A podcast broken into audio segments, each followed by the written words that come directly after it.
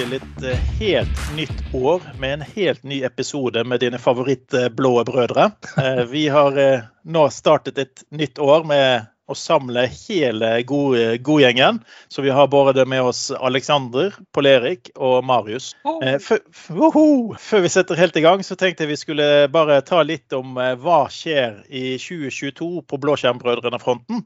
Eh, og det er vi interessert i å få litt tilbakemeldinger på. Så eh, vi har funnet ut at vi vil vite om dere syns vi er for ofte på luften, om vi er for sjeldent. En gang i uken. Jeg tror, ikke vi kan gjøre bedre enn det, men eh, vi jobber hardt for å klare ukentlige, og da vil vi jo gjerne at det blir satt pris på at folk foretrekker det. Hvis ikke kan vi roe ned tempoet. For vi er jo tross alt helt 100 uavhengig og står for innhold, editering, publisering og alt eh, helt fritt av vår egen vilje og ingen hjelp ute å få eh, annet enn i gutt guttegjengen her. Og vi tjener nøyaktig null kroner på dette. Vi, vi taper faktisk ganske enormt. Mm. det var bare, utstyret, bare utstyrutgiftene mine i fjor var eh, mye høyere enn det jeg kjøpte privatteknologi for, for å si det sånn. Så, så vi, vi, betaler for å underholde dere, og da vil vi gjerne vite om dere setter pris på oss. Så kommenter, like og del. Eh, og bare for å gjøre det ekstra gøy, så har vi jo noen av de legendariske koppene igjen. Det ble produsert tolv, og jeg har igjen noen få eh, som vi tenker vi skal i hvert fall gi ut én til en god kommentar. Så ligger jo igjen en god kommentar, eh, så kan det være du som vinner koppen. Eh, og også videre, For å lokke folk til å høre med på oss, så tenkte jeg at uh, vi har Marius her. og Kanskje Marius, du kan ta et tema som fenger? Ja, som vi ser her i, her i vinden, holdt på å si om dagen, det er jo gode gamle ransomware. da. Det blir jo ikke mindre av det, ser vi jo. Så, Nei, Det har vært en periode som var ganske effektivt på den fronten òg. Ja, jul er jo typisk litt sånn Altså, ransomware-angrepene kommer jo gjerne fra land som ikke feirer jul. Så eh, vet jo de er veldig godt at uh, i mange land i Europa og sånt, så er det mm. juleferie og dårligere bemanning og sånne ting. Så, så, der er det jo noen som sikkert har hatt en litt kjipere jul enn andre på enkelte IT-avdelinger. Blant mm. annet i, Nord i Nortura, har jeg sett. Ja, og så mm. har vi disse aviser som ikke kom ut, osv. A-media. Mm. Ja, eh, noen fylkeskommuner litt langt nord i Norge som har penn og papir på videregående skole om dagen. Mm. Stemmer. Mm. Ja. Eh, jeg gjorde en sånn liten refleksjon her eh, forleden dag, og det er jo det at vi har sett at tiden folk er inne i nettet ditt, er kortet ned. Altså Før var det liksom sånn type over et år uten at folk oppdaget at de, de var der. Eh, og så begynte gjerne et angrep. Eh, mine tanker er jo kanskje nå at vi ser at den perioden hvor det er inne på nettet ditt, den er kortet ned betraktelig i forhold til tidligere, eh, tidligere perioder. da.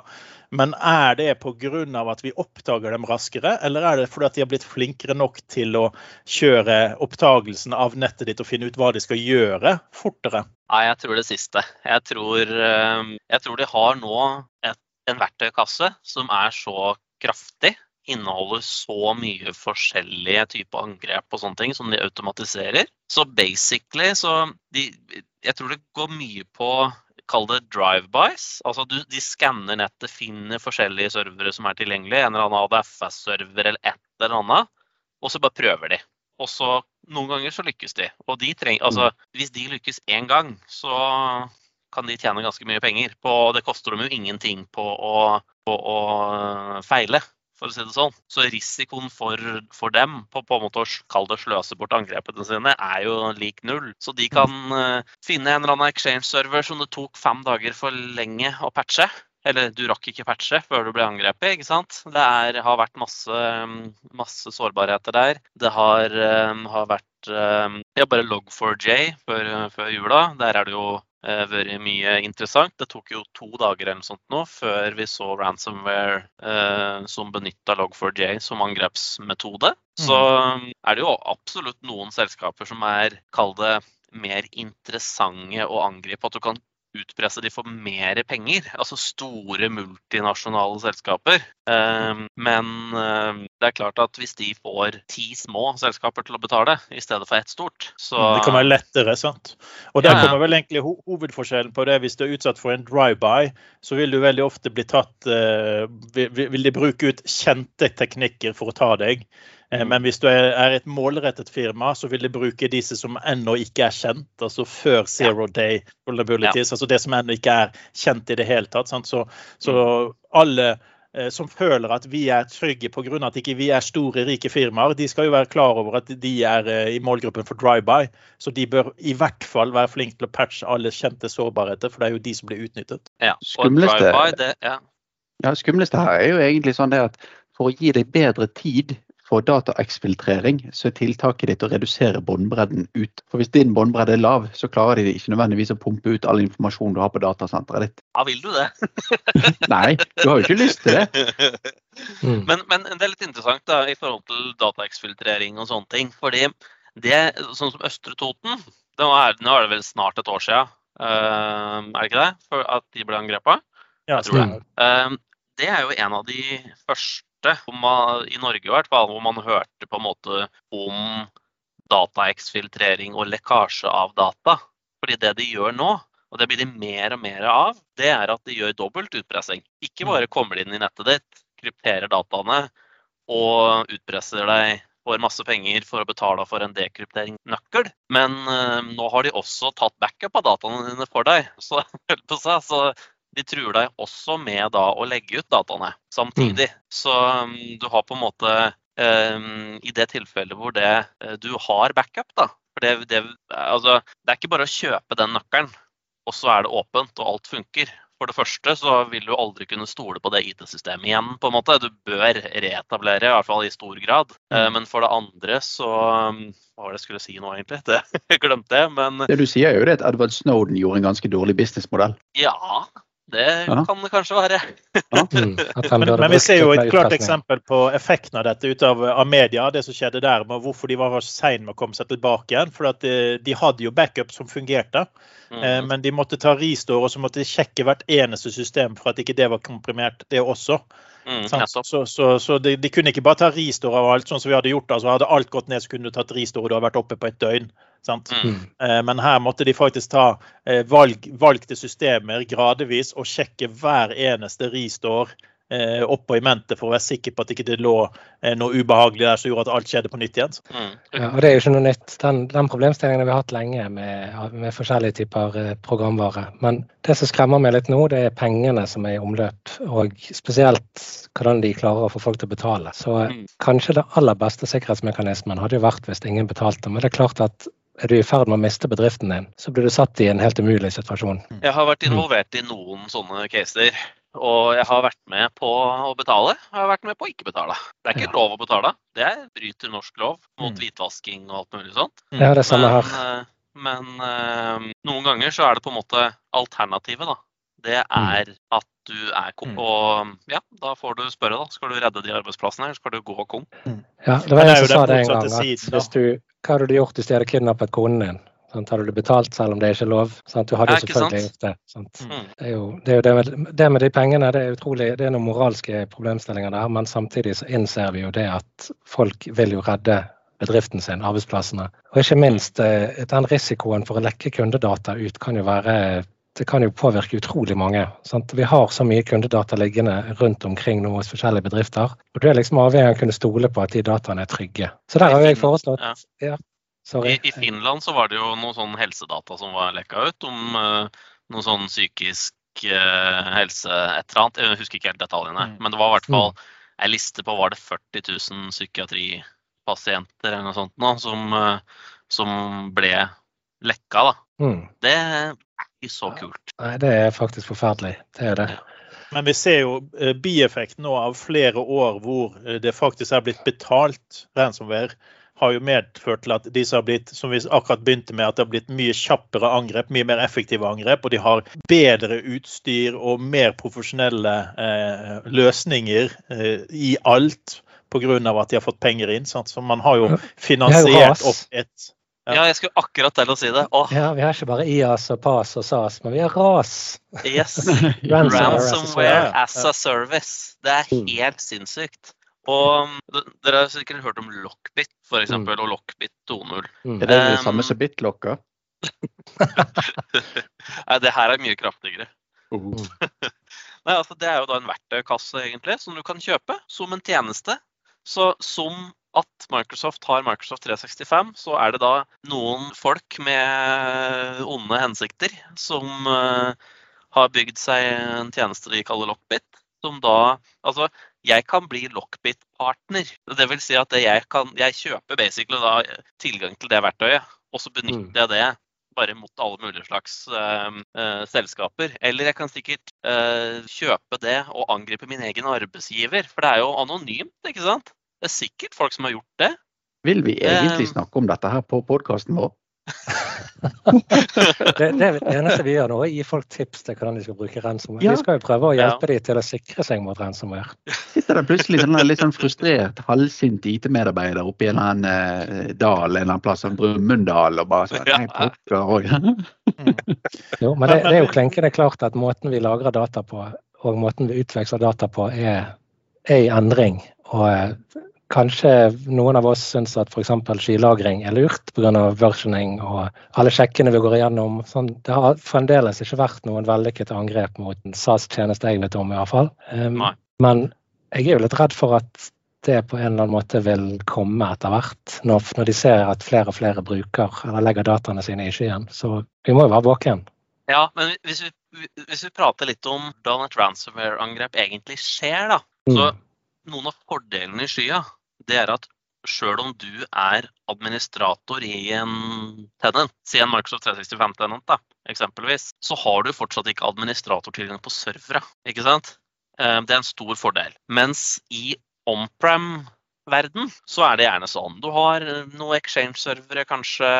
Du har en VPN-løsning. Du har eh, masse forskjellige tjenester som er internett-facing. Og det er en litt sånn typisk måte de kommer inn. ikke sant? Du har vært litt dårlig på å patche én av de tjenestene dine. Um, og så fins det noen helt kjente sikkerhetshull som kanskje har vært offentliggjort i en måned eller to. Og så finner de den tjenesten som du har kjørende, fordi de står og skanner hele internett for, for tjenester um, som har en sårbarhet. Da. Så de dytter inn en eller annen payload som da først kommer inn på den kanskje Exchange-serveren din. da. Um, der har du jo, Exchange har jo hatt masse forskjellige sårbarheter um, siste par åra. Og um, Exchange er jo heller ikke sånn veldig uh, god på ikke å kjøre ting som system. Uh, og så har jo den, uh, den, store ulempen er at veldig mange er i en hybridtilstand hvor de har en Exchange-server de egentlig ikke bruker, men de må ha den. Ja, så de, de håndterer den ikke engang. ikke sant? De har glemt at de har den, basically.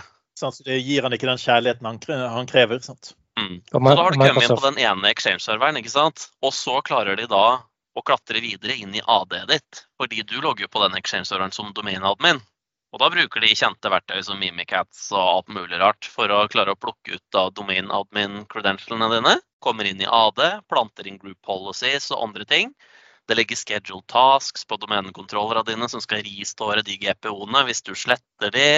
De gjør veldig mange grep da, for å på en måte plante både at det, den eh, GPO-en spres ut på alle klienter og alle servere og alle domenekontrollere, og installerer ransomware-agenten på alle, alt som er i AD. Mm. Og plutselig en morgen så kommer du, eller noen kommer på jobb, og så er det den fine meldinga om at eh, dataene dine er kryptert. Og gå til den linken her for å betale. Så ja, det er en sånn countdown i tillegg. Mm. Ja. Hvor lenge du har på deg til å betale. Det skal gjøre det enda mer skremmende. sant? Ja. Lage mm. tidspress. Mm. Ja. Men, men det, det, har jo skjedd, skjedd, noe som jeg anser som veldig positivt, eh, stort sett det siste året, tror jeg vil si. Eh, og det er jo faktisk at eh, internasjonale lovmyndigheter jobber sammen for å gjøre noe. Altså Senest nå i, i november så, så jeg at det var en, en mann fra Ukraina som ble arrestert for å ha angrepet et firma som heter Casia med, med ransomware. Eh, og de har da arrestert da, I Ukrainien har de arrestert mannen i samarbeid med amerikansk eh, federelt politi og beslaglagt 6,1 millioner i, i, i, midler som han da hadde fått i ransomware. Eh, så jeg vil jo si at Det siste året har vi jo faktisk sett at eh, det har vært flere grupper som har gått under jorden eller bare forsvunnet. Man vet egentlig ikke om er de blitt tatt, er det hva som har skjedd, men man ser at eh, nå er det faktisk begynt å ta tiltak. For man har sett verdien av at dette må gå på tvers av land. Og Ukraina har funnet ut at vi kan ikke ha dette stempelet, for vi risikerer at vi blir svartelistet eh, fra internett. Sånn at vi får problemer med andre tjenester.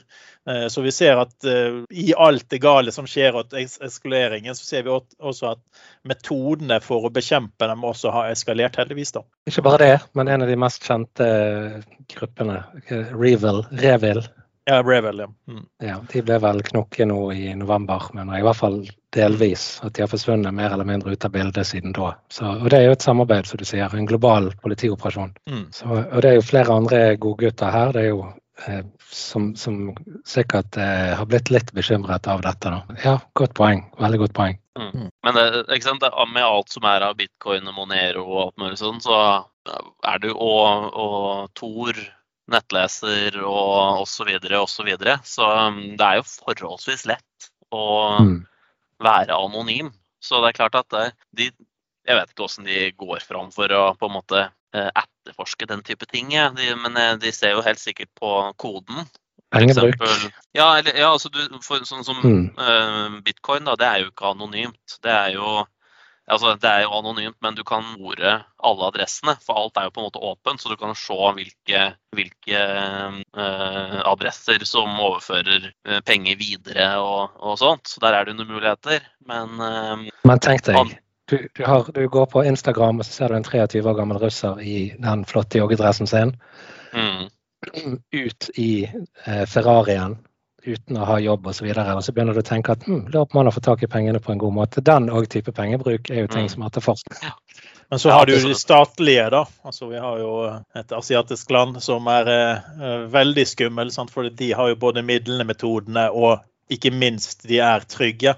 Det er ingen som vil ta de for å, å, å, å gjøre noe som helst gale, for det er jo styrt fra staten.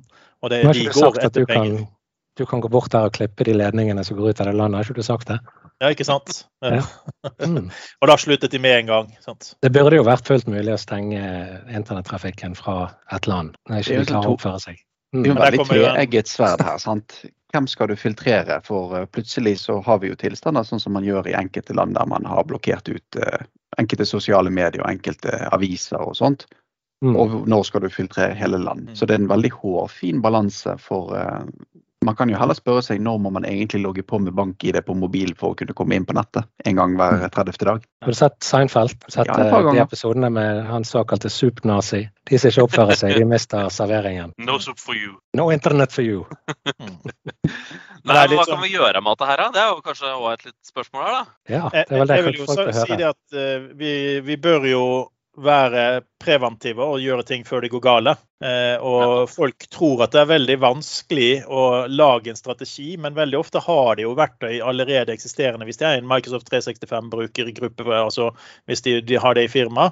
Eh, men jeg ville sagt det å bare gå på Nasjonal sikkerhetsmyndighet eh, og sine nettsider. altså Der har du Nasjonalt cybersikkerhetssenter, eh, som har anbefalinger. Og de har faktisk kommet med en Excel-ark med er det, skal vi si, her, det er 46 punkter, eller 45 eller noe sånt, eh, punkter eh, med ting du bør tenke på, hvordan du bør bygge opp dette her. Og det, og det, er på norsk, for det er jo egentlig der jeg tenker veldig mange får utfordringene. det at De tenker at dette er laget for amerikanske forhold, og informasjon er ikke noe vi klarer å forholde oss til. Men eh, Nasjonal sikkerhet, eh, sikkerhetsmyndighet, nsm.no, har ekstremt mye informasjon om hva som skjer Eh, hjelp mot eh, Log4j f.eks. ligger det en egen eh, side på, og informasjon om alt rundt dette.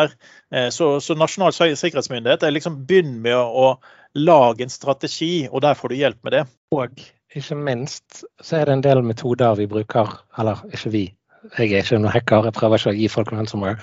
En del metoder som brukes, som f.eks. kan beskyttes mot, som phishing og andre ting. Lær opp brukere.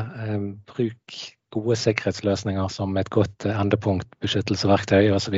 For dette, det begynner jo et sted, det kommer jo inn et sted. Hvis brukerne vet at de skal ikke trykke på disse linkene, ikke åpne disse e-postene osv., så, videre, så er det òg et steg i riktig retning. Mm. Og Noen har jo hvisket MFA i øret til Olav flere ganger, men han nekter på at det er bra.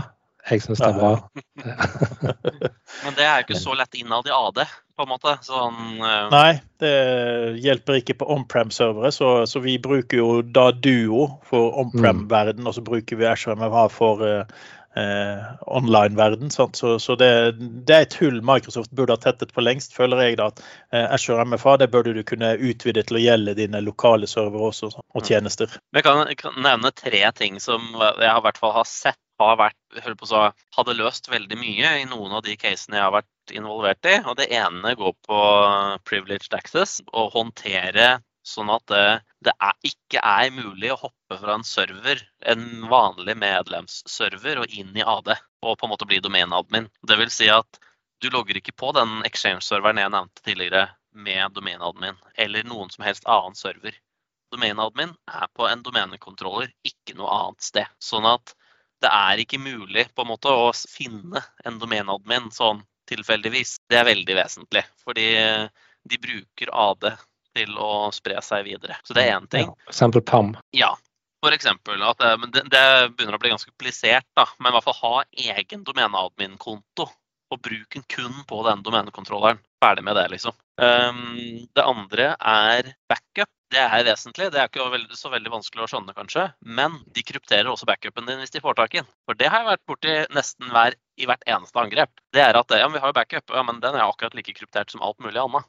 Mm, det er ofte maskin nummer én de er ute etter. sant? Ja, fordi du har den Veeam-serveren din eller en eller annen backup-tjeneste, men den står i det samme AD.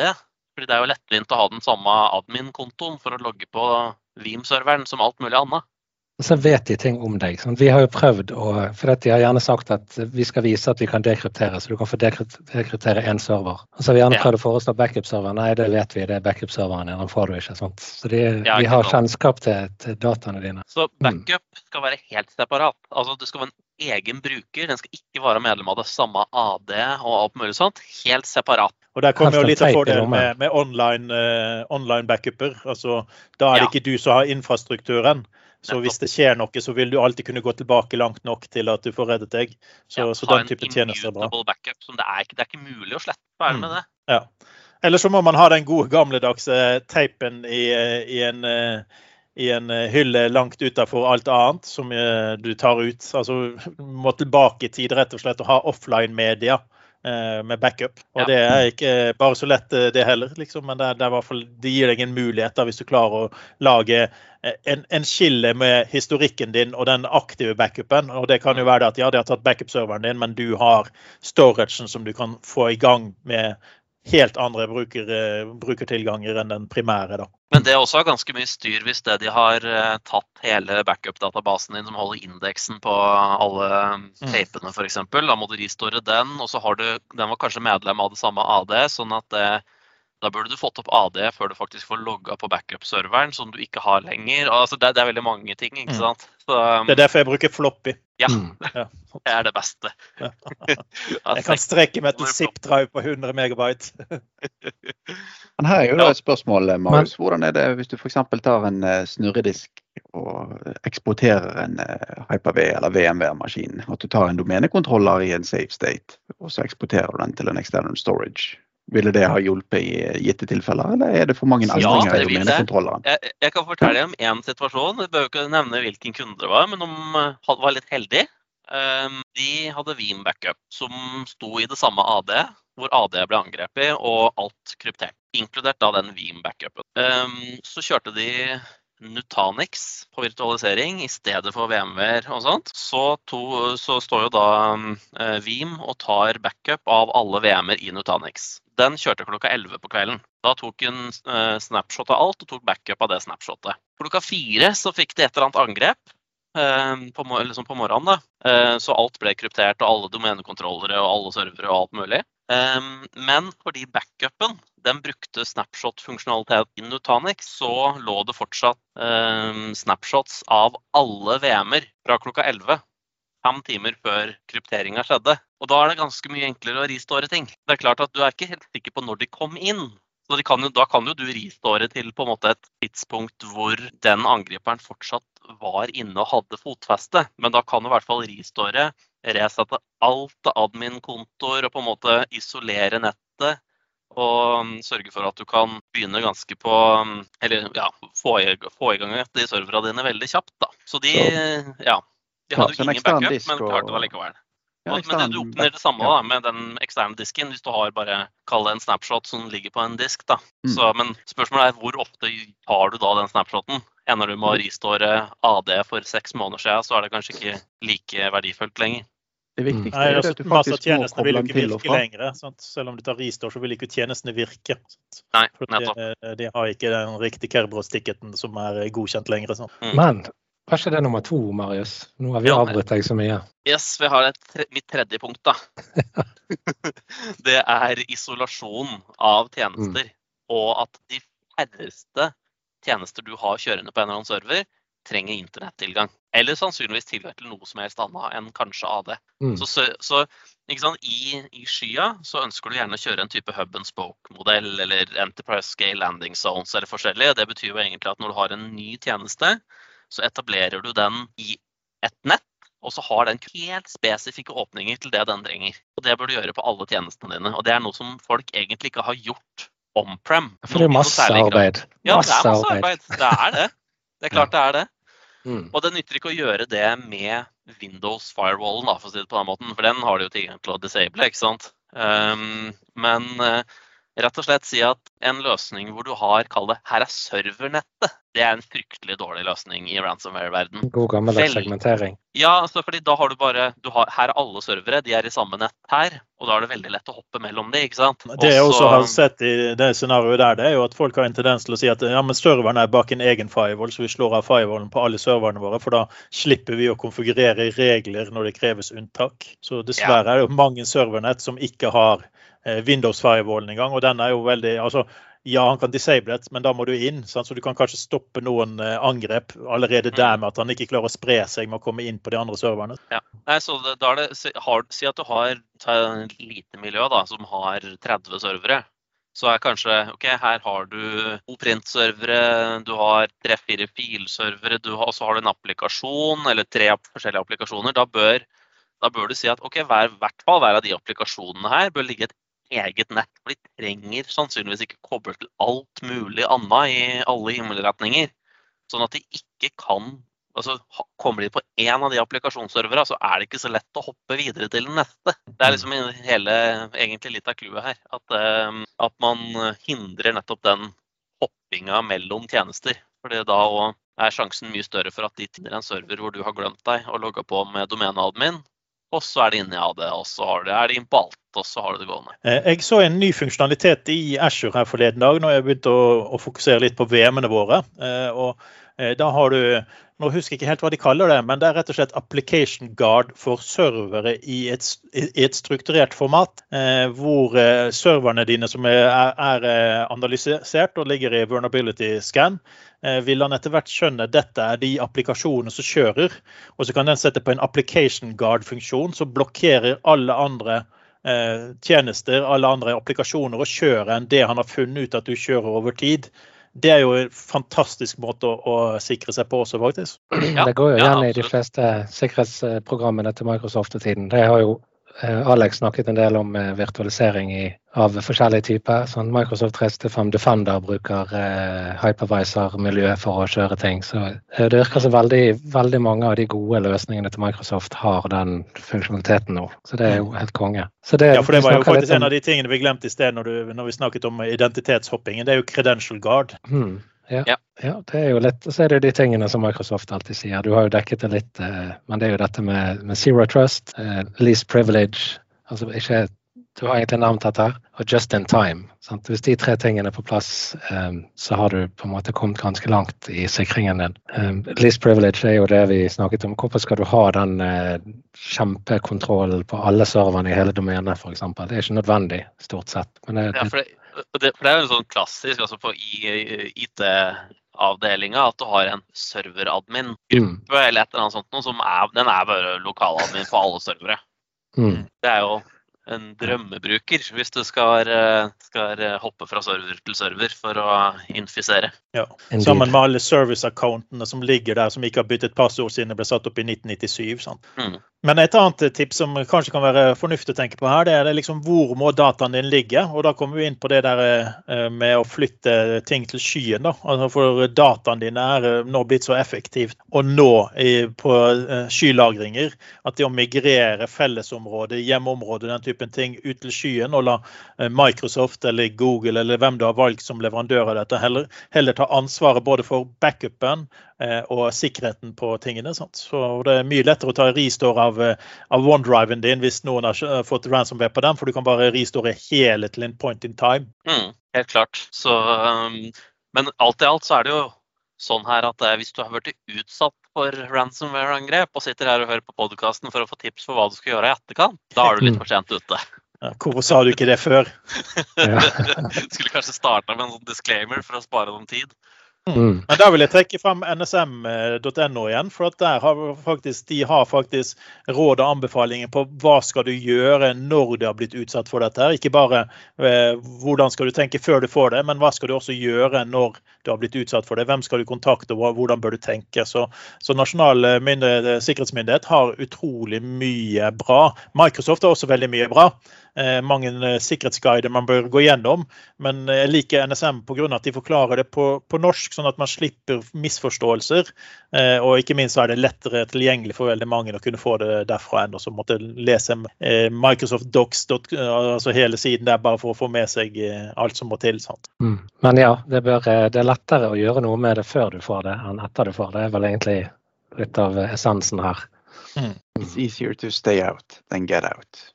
ja, kanskje det. Så må man gjøre, gjøre, regning med at de kommer inn på en eller annen måte på et eller annet tidspunkt, og da er det jo hvordan planen din har vært. Altså, det er ikke lenge siden jeg oppdaget at vi hadde importskanner på en maskin som bare, bare satt opp for å teste noe. Og så hadde noen vært lur nok til å gi den en, en ekstern IP-adresse, og da tok ikke lang tid før den plutselig hadde fått en portskanner. Eh, mm. heldigvis så begynte alarmene hos oss å pipe ganske godt, så vi fikk, eh, fikk destruert den maskinen veldig fort. Eh, men, men, det er liksom sånne det, det, er så mange små ting som skal til for at du, du, du, glipper, så du må følge med på hva du setter opp. Hva er endepunktene dine, og så må du beskytte endepunktene dine. Sant? Så Automatisering av alerter er jo egentlig nøkkelordet for å kunne agere når noe skjer. Når du sier destruert, bar dere han ute? Brant han utenfor? Eh, ja, ja. Vi, vi, kjørte faktisk til, til, Dublin og fant den, eh, den Ashore-serveren som han lå på. og Så mm. fikk vi den ut, og så brant vi han. Mm. Det er viktig. Eh, vi har jo òg hatt en gjest eh, tidligere, jeg vet ikke om vi skal nevne det, men som eh, driver en del med dette her til dagen og hjelper firmaer for sånne ting som ransomware. Mm. Vi skal nevne det her. Jo, vi hadde jo han fra River Security eh, på mm. besøk. Og det er en episode som kan være verdt å gå tilbake igjen og lytte på.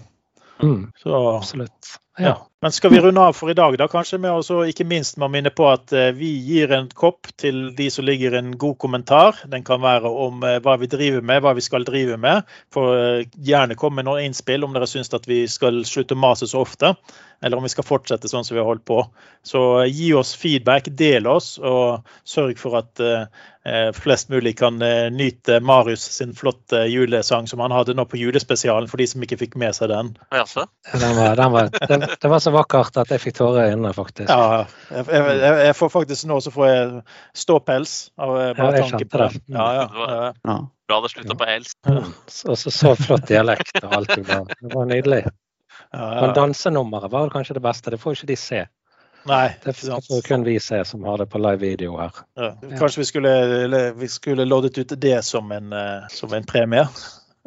Ja, De får en animert gif av Marius som danser. Det er bare på Onlyfans.